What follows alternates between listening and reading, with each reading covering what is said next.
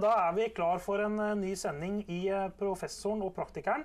Professoren det er meg, Lars Erling Olsen, professor på Handelsskolen BI. Praktikeren er Alf Bendiksen, mangeårig bransjeveteran, analytiker, konsulent. Ja, det er umulig å vite hva Alf ikke har vært gjennom alle år. I dag så er du partner i NSB. NSB. Marketing best practice. Hvis du sier det selv, for jeg blander alltid det er best marketing practice eller marketing det, det Rekkefølgen klarer jeg ikke, men du er i hvert fall partner i et konsulentselskap. I Professoren og Praktikeren så inviterer vi hvert eneste episode en gjest og snakker om et dagsaktuelt tema innenfor markedsføring og kommunikasjon. Så da setter vi i gang. Og dagens tema det er om markedsutfordrere og det å utfordre markedsledere. Og I dag så har vi med oss Camilla Forberg, eh, som er da vice president, brand and eh, hva er det for noe? Brand and marketing. Kunne vært markedsdirektør, men eh, du har da en internasjonal tittel. I Telia, i hvert fall. Og I markedsføringsfaget så har vi noen sånne klassiske bataljer. ikke sant? Vi har eh, Kanskje den første store var Avis versus Hertz i sin tid på leiebilmarkedet. Vi har selvfølgelig hatt Q mot Tine, det er Pepsi mot Cola, Dagbladet mot VG. ikke sant? Det fins mange eksempler på dette her. Ryanair mot uh, egentlig hele flyindustrien i sin tid. Der vi har altså en situasjon der en markedsutfordrer utfordrer en markedsleder. Og Noen ganger så er jo det en markedsutfordrer som er ganske stor, og andre ganger så er det en sånn David mot Golia-kamp. Og Dette er jo kjempespennende, og mange også utenfor eh, markedsføringsfaget syns det er morsomt. Og når støvet legger seg, så er jo alltid spørsmålet hva har man egentlig lært. Så dagens eh, episode av Professoren og praktikeren så skal vi da prøve å lære noe av dette. Hvordan skal du gå fram hvis du er en markedsutfordrer? Hva skal du gjøre, hva skal du ikke gjøre? Og er det noe man kan gjøre annerledes eller på en bedre måte hvis man ønsker å vinne fram i konkurransen? Så jeg tenkte Camilla, at Vi kan starte med et veldig enkelt spørsmål. Så skal vi starte hele opplegget med å spørre deg.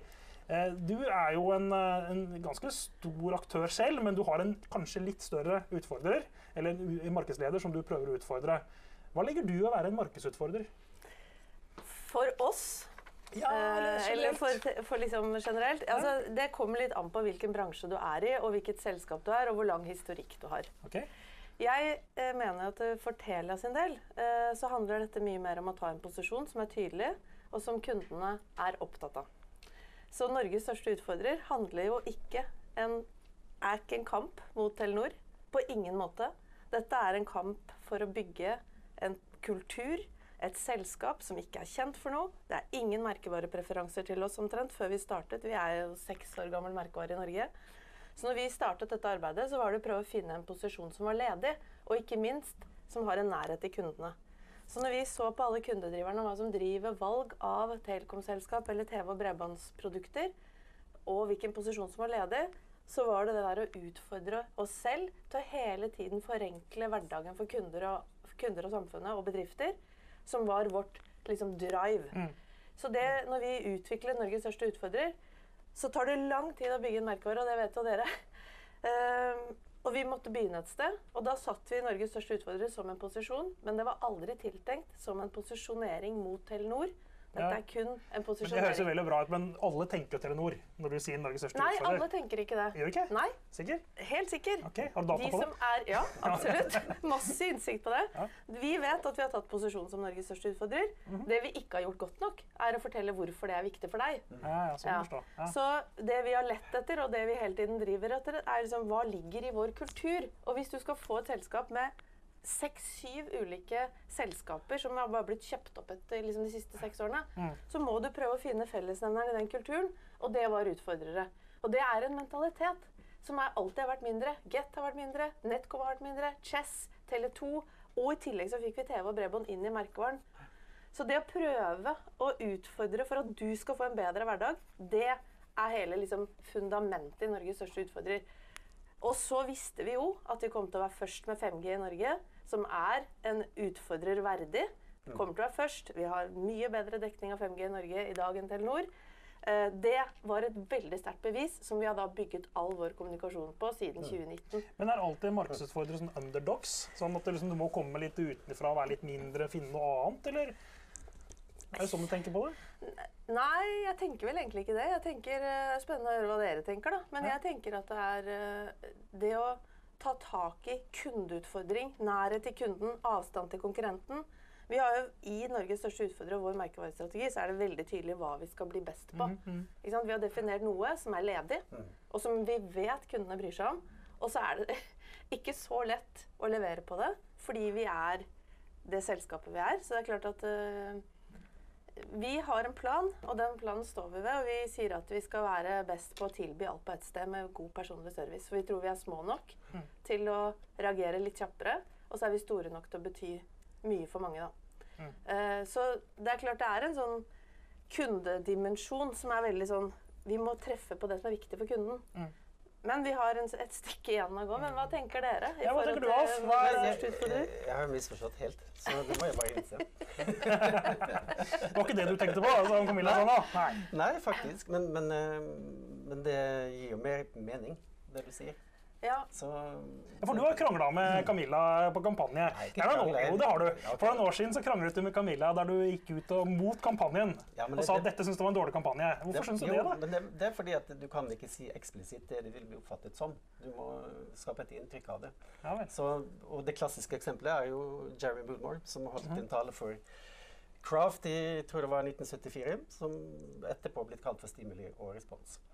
Eh, og han bruker da følgende eksempel. Hvis du, hvis du har som mål å bli oppfattet som å være morsom, så kan du gå opp en scene og si at hei, jeg heter Alf Bendiksen, jeg er Norges morsomste mann. Uh, det er ikke så veldig mange som ler av det jeg sa, men kanskje noen som ler fordi de syns det var litt uh, teit. Men hvis jeg forteller en veldig morsom vits, så er det noen som begynner å le. Fordi da gir jeg det stimuliet som gjør at du får den responsen som du vil ha. Og jeg syns- det som jeg syns den gangen det, Jeg tror ikke vi skulle snakke om det nå. Jeg tror jeg hadde faktisk tenkt å ikke Jeg skulle ta deg litt på går på det, så jeg setter deg litt på den. Ja.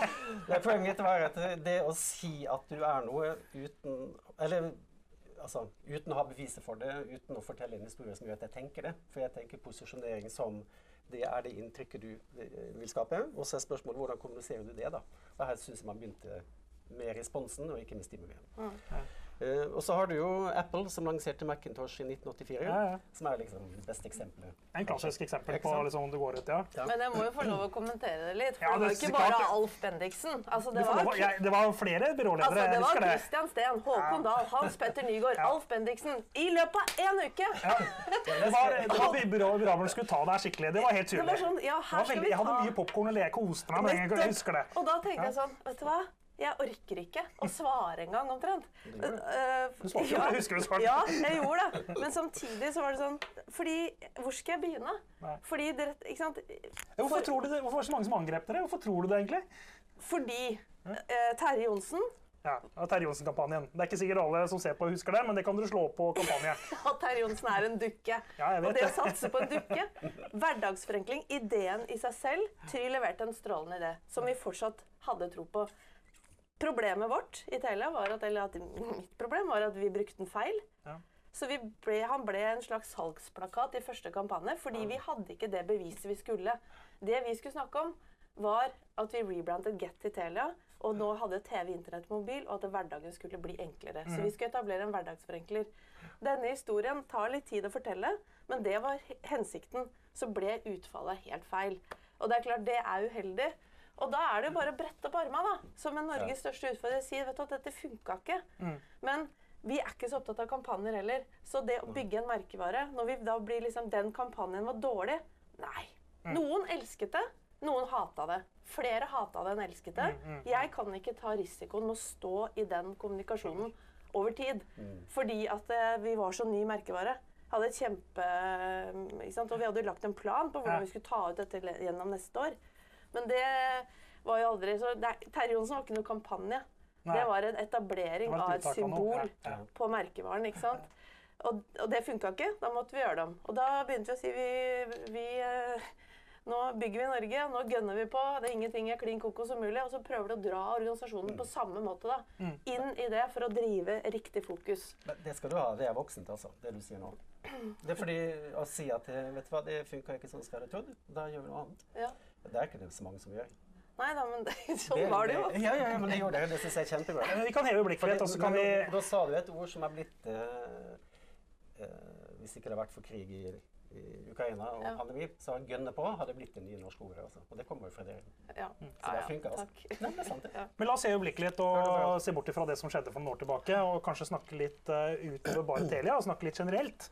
Det som er for meg, sånn faglig, så er jo en markedsutfordrer det kjennetegnet med en aktør som har lavere markedsandel og som forsøker på en eller annen måte å angripe en aktør som har en høyere markedsandel. Det er på en måte en sånn veldig simplistisk definisjon av begrepet. Og så er jo problemet da, Hvis du har lavere markedsandel, og det har vi jo fra Ehrenberg Bass og Barn Sharp osv., så, så sier man det at eh, det er dobbelt jeopardy-effekten som slår inn. Med lavere markedsandel så har du både lavere penetrasjon og har lavere lojalitet. Hvordan er det for dere, altså ikke generelt i Telia, men uh, hva tror du? Er det slik at det er, det, er det gjengs for norske markedsutfordrere at de har disse utfordringene?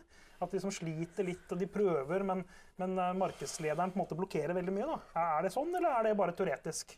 Nei, altså, det, man, jeg har jo bare jobba for markedsledere tidligere. Mm. Så dette er første gang jeg jobber for en uh, nummer to. Ikke sant? Mm. Uh, og jeg, det er klart at det, Både SAS og DNB og Tine er jo etablerte merkevarer. Det er ikke noen små aktører, for å si det sånn. Nei, det er store Nei. aktører. Og, men de har jo sant, en lang historikk mm. og en kultur. Og jeg er opptatt av kultur. Jeg er opptatt av mm. liksom, medarbeidernes påvirkning. For når vi vet at hver eneste kundeopplevelse er det som styrker, og du har ikke noen særlige preferanser. Vi tenker jo alle vårt når vi hører disse ulike merkevarene. Mm. DNB er stort. Ingen, altså det er Norges desidert største ja. Ja. Uh, Tine også, markedsleder i mange år. Hatt monopol, til og med. Så vi kommer fra et sted som er bygget opp gjennom mange. Og da tror jeg at lojalitet, naturlig lojalitet for oss nordmenn til disse store merkevarene, den ligger der. Mm. Så det for oss utfordrer å bryte gjennom den, mm. Da må du være ganske skarp på hva er det da jeg skal bryte gjennom med. Hvilke argumenter skal jeg få deg til å liksom velge noe annet? Men så har du noen, folke, altså noen personlighetstyper da, som liker mm. å være på lag med utfordrere. Jeg liker underlagen, som ja. jeg sa i stad. Ja. Og, da, og det, det, er jo en mulighet. Mm. Så da jeg jobbet i SAS og fikk Norwegian inn på markedet Det var et helvete, hvis jeg skal Unnskyld mm. språket, men uh, de var, gjorde alt riktig i den perioden. Og SAS gjorde på det tidspunktet ganske mye feil. Mm. Satset i et leisure-marked. Glemte liksom Oslo, Bergen, Trondheim, Stavanger, som var de viktigste mm. rutene. Mm. Mm. Uh, Businessmarkedet gikk ned. Norwegian tok også markedsandel der. De sto altså, Toppen av kransekaka var sånn Møt våren i Amsterdam 1029. Hilsen SAS. Rød plakat. Oslo-Amsterdam 299. Mm. Det var helt umulig å konkurrere. Og det, når de først får, får liksom los, da, disse utfordrerne, mm. så får de så innmari los. Fordi de ser jo at det funker. Mm. Og da begynner disse store å bli litt defensive, sånn som, hvert fall, som jeg opplevde da. Litt defensiv. Og bare shit, ble litt nervøs. Mista selvtillit. Etter alltid har vært liksom nummer én. Men når det går an et så lite selskap NAS, liksom, Norwegian Air Shuttle, mm. klarte, hadde to ruter Stavanger-Haugesund. Mm. Klarte å få til. Det var sånn wow. Men det er kjempeinteressant det du sier der, da, for det har litt med organisasjonskultur å gjøre òg. Hvis du jobber med en utfordrer, så er du litt sulten, du liksom prøver nye ting. Mens markedsutfordreren er sånn 'Dette har vi prøvd før'. Ja, nettopp. Og har og gjerne prøvd det før. Mm. Ja, det òg. Og så er det, sånn Ja, men vi kan liksom ikke gi oss, vi. Eh, og så tror jeg, men Det er derfor kultur er så viktig i denne utfordrer. For hvis ikke du har en utfordrerkultur, så blir du aldri oppfatta som en utfordrer. Ikke sant. Og da skjønner ikke du som kunde hvorfor du skal velge. Nei, ikke sant. Men du kan liksom stole på at ja, men der har du jo folk som er opptatt av å hele tiden forbedre for meg. Da. Ja. Men, men fant dere ut at nordmenn er glad i utfordrerne? Ja, er, vi har ikke sånn helt uh, Jeg kan ikke gi deg noe tall nå, jeg men tror hæ? Jeg tror jo det. Ja, det tror jeg også. Ja. Så det har vært artig. Vi heier på de som kommer ja. nedenfra. Ja. Og, og Bjørn Kjos var jo liksom Han ble jo liksom en folkehelt, ikke sant? Absolutt. Så ja, jeg tror vi mange liker utfordrer. Og det ser vi jo i idretten nå. Ja. Men du skal ha litt glimt i øyet? ja, ja, ja, ja, det må være ganske charming. Hvis du ikke er en sjarmerende underdog, så da tenker jeg på et, et annet eh, melkemerke da, som ja. ikke har glimt i øyet. Ja. Som, eh, som, bare syter og klager over at man har feil betingelser og sånt. Men, men Bjørn Kjos, uh, han sto bare og lo, han. Ja, han lo. Og sånn sett så var liksom Terje Johnsen bomma litt, da. Ja, han dukka vår. Ja. Fordi han uh, var ikke så sjarmerende som vi hadde håpa på. Så vi, han var jo folkelig, da. Ja. Folk er ikke alltid så sjarmerende, det må man jo innrømme. Men uh, hvis, vi, hva, hva, hvis, du er markedsutfordrer, og du er jo markedsutfordrer nå, mm. i hvert fall har du sagt at du er det, definert at du er det, hva, hva, slags type strategi kan man velge blant da? Er det, er det slik at det finnes én løsning? Det er sånn, sånn må du gjøre du er markedsutfordrer, eller finnes det noen alternativer? Det vi har gjort, er jo først å se på hva er det som er viktigst for kundene våre. Mhm. Hva ligger i kulturen. Og så har vi liksom laget nå en, eh, det vi kaller en slags sånn kulturell reise. Mm -hmm. Hvor vi liksom Sånn er det å jobbe her. Dette forventes av deg som person når du får jobb i Telia. Der jobber vi en del på rekruttering og få nye talenter inn. Eh, og ikke minst hvordan du da blir fulgt opp i liksom, sjekk-in-samtaler med lederen din hver måned. Hva har du gjort nå? Prøve å få du som sitter på kundesenteret til å forstå hva som er viktig, og hva som ligger i Norges største utfordrer. Det vi har sagt, er at vi skal jobbe hardt for å få beviset for at du skal oppleve at det blir enklere og bedre. Og da har vi sagt at vi skal ta en person på personlig service. Og med den kundetilfredsheten vi har i dag, så er vi ikke i liksom eh, Vi er ikke mm, Hva heter det? Vi er ikke der vi skal være. Det er ikke mål ennå. Men. Ja, Men, men, men tenker dere at dere skal gå head on på markedslederen? Nei, eller tenker dere vi skal bli gå bedre. flanke? Eller hva Nei, er der skal der? vi bli bedre. Skal bli bedre. Personlig service og alt på ett Ja. sted. Du skal oppleve at du kan få enkelt Så du krasjer rett inn da, i markedslederen og sier at eh, alt det markedslederen er god på, vi skal være enda bedre. Nei, fordi markedslederen er ikke så god på dette her. Oh, ja, okay. Det er jo svakheten. Mhm. Telenor blant annet, og det er flere der ute som vi konkurrerer med, de er ikke spesielt gode på personlig service. Nei, for jeg opplever Norwegian SAS-eksempler litt annerledes. Ja, for da opplever jeg at, eh, at Norwegian gikk liksom rundt og tilbød nye ting Ja. på andre måter Ja. enn kanskje det SAS var god på. Ja. Og for meg liksom, som faglig så er det, liksom, det er to hovedstrategier. da. Det er head on, eller så er det flankestrategi. Mm. Det fins noe geriljastrategi litt andre greier òg, men det trenger vi ikke å snakke om nå. Ja. Og, og jeg opplever når du snakker om Telia nå, at du er litt mer sånn head on. Du går inn på de store tingene som du vet at alle syns er viktig. Ja. Mens jeg opplevde at Norwegian valgte en litt annen strategi i sin tid. Ja, det er Hva er helt mest, hva er mest effektivt? Nei, det vet jeg jo ikke sånn på Nei. sikt. Men eh, for vår del så tror jeg at det fins et potensial, hvis du ser på hvem som eier posisjonen, og hvem som liker sant, På de to Mm. områdene innenfor kundedrivere vi har valgt, som vi skal bli best på, Mm. der er det ingen som skiller seg ut. Nei. Så der er oppsiden. Og så er det helt andre ting som vi ikke har lyst til å nevne, som vi vet at Telenor bl.a. og for så vidt Altibox er veldig gode på. Mm. Der skal vi ikke, men vi skal ligge i paritet. Ja, Og det måler vi jo. Ja. Mm. Uke til uke, måned for måned, og ser jo utviklingen. Mm. Og sånn sett så er det kjempespennende reise. Det høres veldig riktig ut, men du sa noe i sted som jeg stussa litt. da. Men det er Ja. ikke det du sier nå. Nei. For du sa ehm, vi fant en ledig posisjon. Og Ja. grunnen til at posisjoner ofte er ledige, det er at det er ikke så veldig mange kunder her. Nei. Så, men nå skjønner jeg at uh, det, Ja. ligger, det ligger noen klokere Ja. ting bak her. Ja, det var nok ikke liksom, kanskje feil ord. Jo, det er det man ofte sier, da. Altså, Ja. Når analyseinstituttene står der med sitt uh, diagram, og så sier de oppe i høyre kvadrant så er det ingen. Dit, dere må gå dit. Ja. Og det er litt sånn eh, De fleste kommer tilbake, da. For det, det var liksom ikke så lurt å være der. Nei. Men uh, dette har vi snakket masse om. Ja, ja. Men, uh, men det er jo godt å høre, ikke overraskende, at det er eh, kundeinnsikten som ligger bak. Ja. Og, eh, og det å bli bedre på noe som er viktig for kunden. Ja. Og det var jo Apple også. Mange trodde jo at eh, Steve Jobs ikke gjorde analyser. Ja. Han bare koketterte med det. Ja. Det var ingen som gjorde så mye analyse som Apple. Men eh, hadde han gått ut og sagt at det er det vi gjør, så ville alle sagt at da må vi gjøre det samme, for det er jo, da er det jo analysen du bygger på, Mm. og da slipper vi å gjøre den fordi du har gjort det for oss. Men det har blitt en sånn Han gjorde det liksom bare på intuisjon, da. Mm. Det er det mange som tror. Og det er vel å ta i. Men eh, jeg syns det er bra. Eh, Det som, da vi planla dette temaet, da, så var det jo at det, nesten i alle bransjer i Norge så er det én stor. Mm.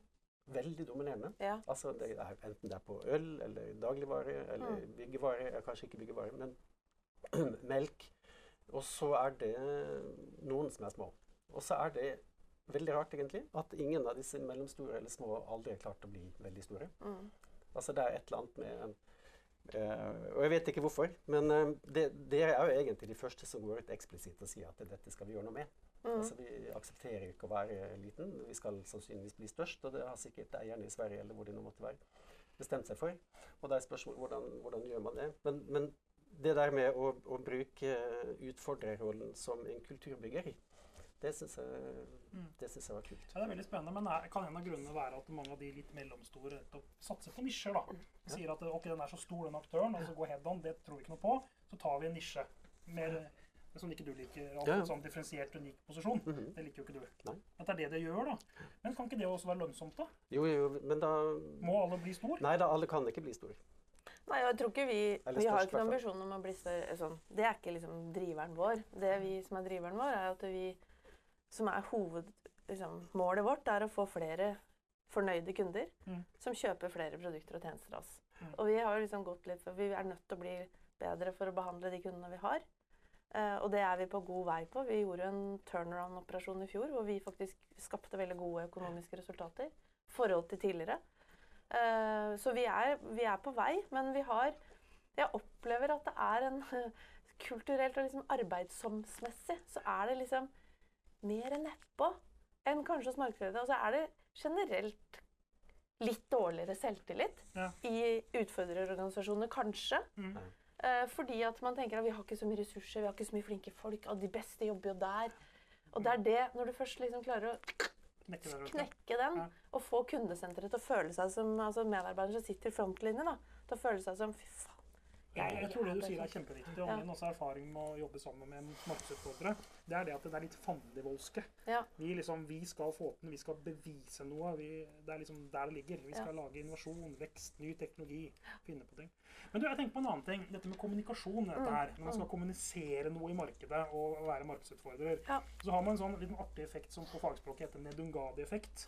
Eller blocking-effekt. Ja. Det betyr at når du kommuniserer noe som på en måte også markedsleder holder på med, Mm. så kan du være veldig flink til å kommunisere, men det er markedsleder som stikker av med effekten. Det er liksom enkelt fortalt hva en blokkingeffekt der. er. Mm. Jeg husker, Det er ikke så veldig mange uker siden, for jeg er i dette Norstat-panelet og dere svarer på undersøkelser der innimellom. Jeg syns Ja. det er veldig interessant. Ja. se hva folk spør om, og ikke minst hvordan det blir spurt. Ja. ting. Det synes jeg er veldig interessant. Og Det var en Telekom-undersøkelse. Jeg vet ikke hvem som var avsender av undersøkelsen. Og da var det masse sånne drivere. Jeg skulle være enig eller uenig i forhold til ulike merker. Og jeg må innrømme at jeg er veldig lite interessert i Telekom. Jeg kan litt om Telekom, og jeg tenkte det er sikkert Telenor. Ja, det er også sikkert Telenor. Og det er sikkert Telenor, for jeg har ikke peiling. Og da tenkte jeg nå sitter jeg og Nå, nå, er, nå skjer Nedugana-effekten i praksis. For det var sikkert ikke Telenor, men det var det jeg hadde ikke peiling. Nei. Hva tenker du rundt det? Er det et Eh, problem for dere? Ja, det er det. At det er eh, det at når vi Selv om vi har jo et helt annet formspråk og en tone of voice, som vi kaller det, da, enn Telenor Hvis du ser liksom på de overordna store kommunikasjonsuttakene vi har, så er det jo sant, språk som gønner på. De holder på med litt med familien. De snakker med, om 5G på en annen måte. Så vi er jo mer utfordrerspråk, som gjør at flere og flere har fått liksom, kjennskapen. Så vår ad awareness og liksom uh, em, reklameoppmerksomhet og, og eh, Hva heter det? Uh, avsender-ID. Ja. Eh, mm -hmm. Den er jo bare Den blir bedre og bedre. Men det er klart, det er mange. Sånn var det egentlig med, litt med DNB i starten òg. Du tror det er noe annet. Du tror det er markedslederen helt sånn åpenbart. Eller hvis det begynner å ligne, hvis du ser også på Nordea nå, eller ikke Nordea, men Sparebank1, begynner å nærme seg litt, syns jeg. Hvordan DNB kommuniserer, både form, form og farve og sånn. Så det vi lurer litt på, er Hermer de litt nå? Hermer de etter oss? Ja, hvis, hvis dere Eh, vokser, så blir det jo mer Ja, Ja, jeg vet. så liksom Ja, vi får se. Vi får- snakke med Telenor en annen gang og høre hva de sier. Ja, absolutt. Men det er jo en eh, Nei, jeg tenker at eh, altså liksom gjenkjenneligheten Altså folk er jo litt reklametrette akkurat nå, ikke sant? Også spesielt nå, men generelt. Så det der å ha et forhold til hvem som sier hva i det gjengse Og så og som du spør mamma og pappa, så er det ja, Sånn. Man er, Det er Men kan du, vanskelig. kan du som markedsfører tatt kommunisere deg ut av noe som helst? Eller er det slik at du må vinne i konkurransen på andre, eh, andre verktøy da, i markedsføringskista enn eh, kommunikasjon? Vi tror på at eh, liksom, gullet ligger jo i den personlige kommunikasjonen mellom Mhm. Det er jo kommunikasjon, det òg, da. Ja. Absolutt. Og en ekstremt viktig kanal for Telekom. Det å behandle kundene bra over tid. Prate med deg relevant og personlig. Et sted som du syns det er enkelt å prate i. Vi har jo hatt en litt krevende høst med litt for mye utfall og sånn. Eh, Det er klart det er en kjempepåkjenning på kundesenteret. Hvor trafikken øker. Får ikke tatt telefonen. Mm. Uh, som er mye, veldig mye kjeft. Ja, eh, og sikkert fortjent. Er helt men det er jo da, da jeg merker at ja, men dette skal vi nå gjøre noe med. Så det vi gjør nå, er jo liksom OK, før vi begynner å diskutere noe som helst på kundesenter, så må vi ta ned alle de feilene vi har i systemene våre. Ja, ja, ja. Så det er klart, nå bygger vi et nytt nett i Norge. Vi Så produkt først, da, så kommunikasjon etterpå. ja, ikke sant? Så det, det er så investeringstungt i den bransjen jeg holder på med. Det er jo flere milliarder som investeres i Norge hvert år pga. at vi bygger et helt nytt 4G-nett og et nytt 5G-nett eh, på i hele Norge. Så vi kommer til å bli kjempegode.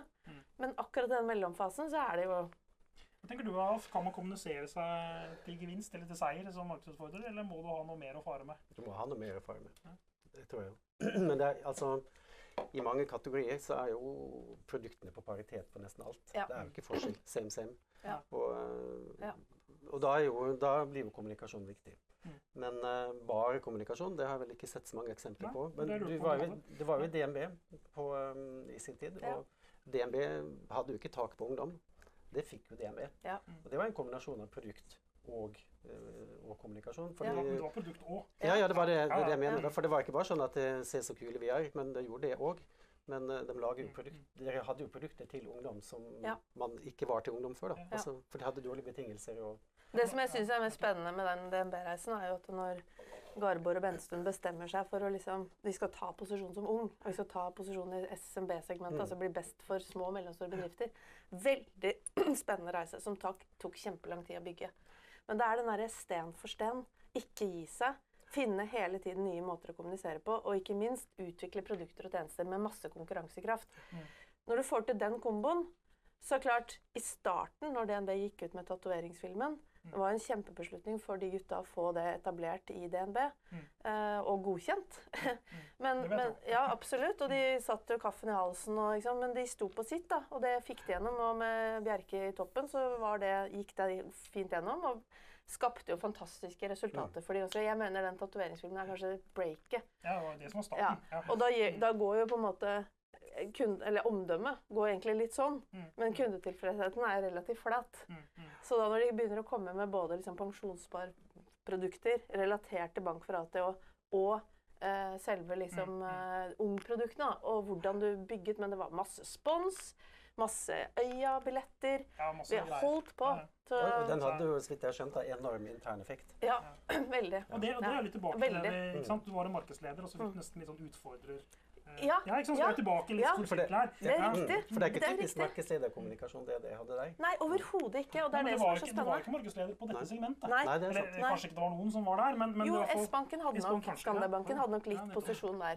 Så, men, men der eh, studde man organisasjonen rundt, og så er vi markedsutfordrer i hvert fall mot disse kundene. Mm. Ellers må jeg si jeg er helt enig i det dere snakker om at kommunikasjon er ikke tilstrekkelig. og jeg må si Nå er det kommunikasjon der òg, men hvis du går på disse Askeladden-miljøet eh, med, med Dr. Cutter, jeg vet ikke, Dr. Drop-In Ja. og, og Cutters og alt dette her, Mm. så er jo nettopp De er jo i mange settinger markedsutfordrere. Mm. Men det er jo ikke kommunikasjonsdrevet, det er jo forretningsmodelldrevet. Og det er jo eh. Også et godt eksempel på hvordan man da snur rundt, finner gode, interessante nisjer, Mm. blir bedre enn si, konkurrentene. Her er det jo droppens er det veldig mange konkurrenter, men, men de er likevel en utfordrerposisjon. Mm. Uh, og ikke minst uh, Cutters uh, i sin tid, ikke sant, som gikk rett i strupen på Norges uh, frisørmesterlaug, eller hva det heter for noe. ikke sant, Mm. Og en helt annen måte å utvikle en tjeneste på. Ja. Og det er jo det er også en markedsutfordring. Eh, selv om det var selvfølgelig kommunikasjon også. Men, det Men, men hva kan um, alle disse andre som er utfordrere, men som egentlig ikke spiller rollen, sånn som dere gjør, hva kan de lære av uh, deres rolle? langt? Jeg synes dere er inne på, eller Du er inne på et veldig godt poeng i forhold til Askeladden, da, som er dette store for disse nyetablerte bedriftene. Og det de gjør, er jo egentlig litt av det samme som vi har gjort. Gått inn og sett på hvor er det kundene i- hvor er det, liksom, hvor er det ingen skiller seg ut? Hvor er det kundene har en utfordring som kanskje ikke kunden selv vet? Ja. At jeg har lyst til å gå og bli massert liksom, eh, en halvtime, litt sånn spontant. Jeg hadde jo ikke sagt det, liksom. Ja, det er kanskje fint, det. Mens det har de fått til, og de går rett inn i et kundemarked som enten er litt overprisa, eller hvor ting kan gjøres enklere Mhm. og oppleves smoothere for kunden. Det synes jeg er veldig interessant. Så sånn sett så syns jeg utfordrere eh, må bare fortsette å være veldig gode på de tingene som er et kundeproblem eller en kundeutfordring. Og så tar man og løser det, og så beviser man det. Uh, man må gjøre litt sånn som Avis, da. Må stå på litt mer. ja, nettopp. Mm. Og det er jo liksom Try harder er så bra konsept. Ja. Som, uh, som jeg syns selv er superbra, alltid syns, men Men det er mer, altså, jeg, jeg syns det er et fantastisk konsept som ikke har fungert. For Ja, det, det er jo fortsatt der. Men det de funka på vel da det ble implementert? Jo, jo, i, for de var jo én i haugen, og så ble den plutselig nummer to. Ja. Og Hertz er fortsatt størst. Så det har jo ikke, det har jo ikke blitt Ja, men, men er det målet? Er Ja, målet-. Nei, jeg vet er ikke. målet som markedsutfordrer å vinne? Ja. Men det, blir, det er en fantastisk tagline. Men når du ikke opplever det i det hele tatt når du kjøper produktet, så er det, blir det bare noe som Da er det vanskelig. sant? Eh, Men jeg tror de var bedre på det for 20 år siden, Ja, ja. liksom. I hvert fall har jeg Spesielt fått inntrykk. Nettopp. Ja. Mm, Ja. Mm, mm. Nei, du må levere, da. Du må, du må vise det både i gjerning og kommunikasjon. ja, det er nettopp det. Altså, Kunden er må føle at det er sant. Mhm. Så det er stikkordet. Både produkt og kommunikasjon Mm. og teknologi og alt må på en måte henge sammen. Ja. For Norwegian gjorde jo det mot SAS. fordi ja. Sånn som jeg opplevde det da, som flykunde Problemet til SAS er til København. At alle fly skal lande i Kastrup før du kommer et nytt sted. Mens Norwegian fløy over Kastrup og direkte til Barcelona. Og Da hjelper det ikke å si at uh, vi er punktlige når det kommer to timer etter. Nei. Sant? Og når da til og med er SAS taxfree i København. Ja, du undervurderer København litt nå. Mye gode restauranter Nå og snakker jeg om Vi her, Kastrup. liksom. Nå snakker jeg om Kastrup, da.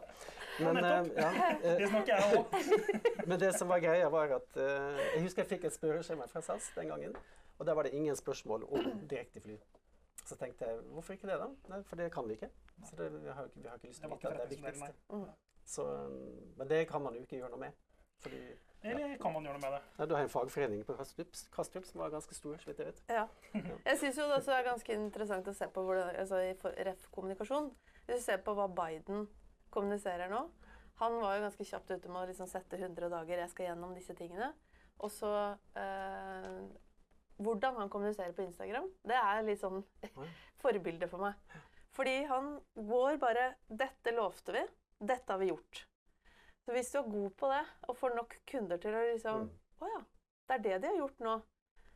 Eh, da må du ha ganske mye bevis, da. Men det er i hvert fall veldig sånn åpen og ærlig kom kommunikasjon, som jeg tror flere og flere kunder syns er digg. da, Med at det er mer transparent. Og å ja, det er det de gjør, ja. Skjønner. Da- Fint. Sjekk, sjekk, sjekk. Da, Neste. da ser vi for ny kommunikasjon fra Mm. Telia. Se, se hva vi har gjort, da. Se hva vi har gjort forrige måned, som er bra for deg, kjære. Og med Joe Biden så tror jeg vi avslutter eh, Ja. denne sendingen om markedsutfordrere. Eh, takk til Camilla Faaberg, eh, Vice President Brand and Marketing, var det riktig, i Nei. Telia. Eh, vi er professoren og praktikeren, Lars Erling Olsen, professoren, og Alf Bendiksen, praktikeren. Takk for at du så på.